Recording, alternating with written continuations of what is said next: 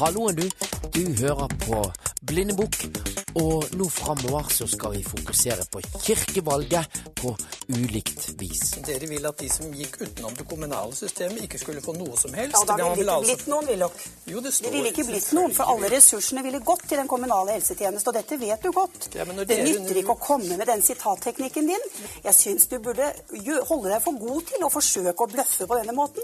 Fordi at folk Er det kan jo bløff ikke å lese fra din egen Du vet godt hva som er forskjellen på vårt Ja, syn en i gang- en i Ja. gangen her. Dette her var tider, du. Debatter med Gro og Kåre. Du, hvis du har eh, tanker om at kirkevalget blir like stilige og artige debatter, ja, da tar du feil, for dette kan bli ganske kjedelig. Nei, altså det, det er jo en del som handler om, eh, om kirkelig organisering. Som er altså så langt vekke fra heit som du kommer. Det må det være lov å si. Det er utrolig, utrolig kjedelig. Hvis du ikke har slått av denne podkasten ennå, så eh, er det virkelig prisverdig. Eh, Den du hørte der, det var Vårt Land-journalist Sigrid Rege Gårdsvold, som skal geleide oss gjennom både menighetsråd, bispedømmeråd, kirkemøte, kirkeråd. Ja da. Én ting kan jeg love deg når du har fulgt denne serien her. Kanskje ikke du har ledd deg i hjel, men du har blitt klokere.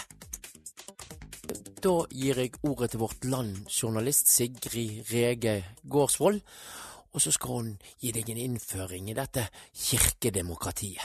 Det er jo sånn at Når vi snakker om Den norske kirke, så er det egentlig det er ei kirke, men det er to strukturer eh, ved sida av hverandre. Det ene er det som vi kaller for fellesrådslinja. Ja.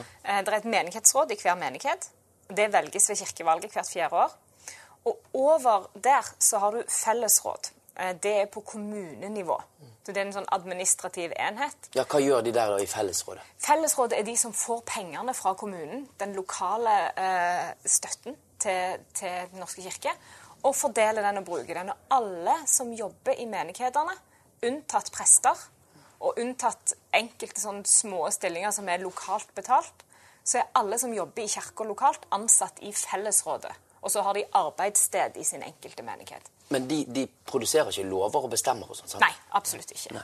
De jobber med litt sånn dag-til-dag-drift. Eh, Så, Menighetsrådet er valgt på menighetsnivå, og så velges de de aller fleste plasser, én eller to fra hvert menighetsråd, representerer menigheten sin i fellesrådet. Så fellesrådet er indirekte valgt.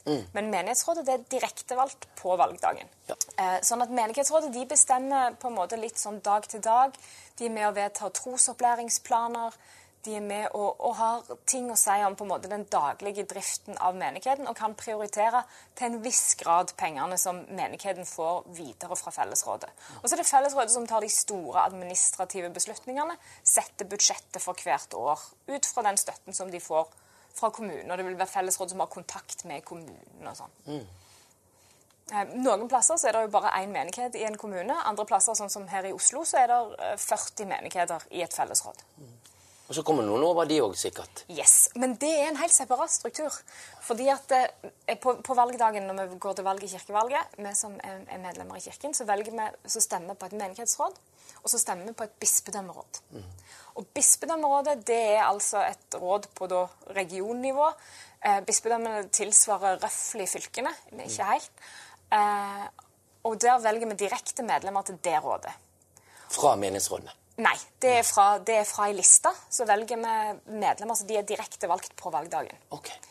Eh, Det er bare menighetsrådet og bispedømmerådet som er det. Men bispedømmerådet hører til sin egen struktur ved siden av. De har ingenting med menighetsrådene å gjøre. Nei. Eh, Fellesråd og menighetsråd de har med de ansatte i kirken som ikke er prester å gjøre.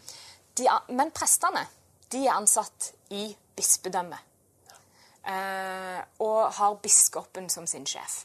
Så da er biskopen da sjef over bispedømmerådet?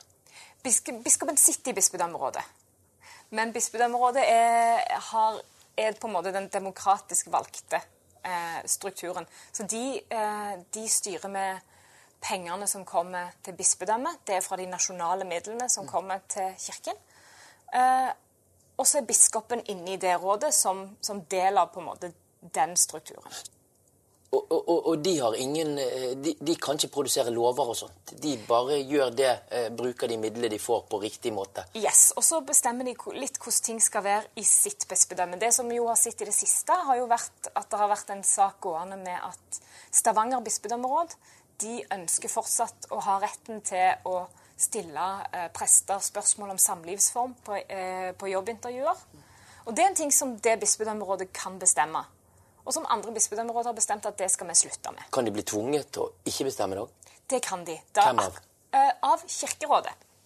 Eller av Kirkemøtet, egentlig. Er det over bispedømmerådet? Det er det. Alle som, sitter, alle som er valgt eh, til bispedømmerådet i alle bispedømmene, utgjør til sammen Kirkemøtet i Den norske kirke. Og Kirkemøtet er det øverste organet i Den norske kirke. Kirkens storting? Kirkens storting. Det er helt riktig. Eh, de møtes en gang i året i, ei lita uke hver gang. Eh, og behandler saker fra morgen til langt ut på natta. Og da handler det både om saker som går på eh, altså, liturgi og hvilke bønner skal være til hvilke gudstjenester, for å ta det liksom helt ned på det nivået, og til større saker som handler om, om hva type saker skal Kirka mene noe om i offentligheten. Og, og der, eh, det er her man må inn hvis man skal prøve å, å, å påvirke noe. Ja, i stort så er det det. Hvis du skal påvirke de store eh, bevegelsene i, i Den norske kirke, så er det her du må inn. Og det er òg derfor det er her der er Det er dette der går politikk i. Eh, når vi stemmer på menighetsråd, så forholder vi oss alltid til ei liste, og den er helt upolitiske. Eh, stort sett. Det er ikke noe kirkepolitikk i, i menighetsrådet. Det er i bispedømmerådene der er politikk, og det er i kirkemøtet der er politikk.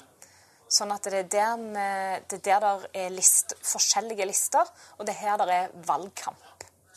Kan du si. På, på menighetsnivå så er, er det nok mye mer vanlig at en nesten ikke får nok folk til å fylle lista. Og det er mer Jeg pleier ofte å sammenligne det å sitte i et menighetsråd med å sitte på, eh, i FAU på skolen.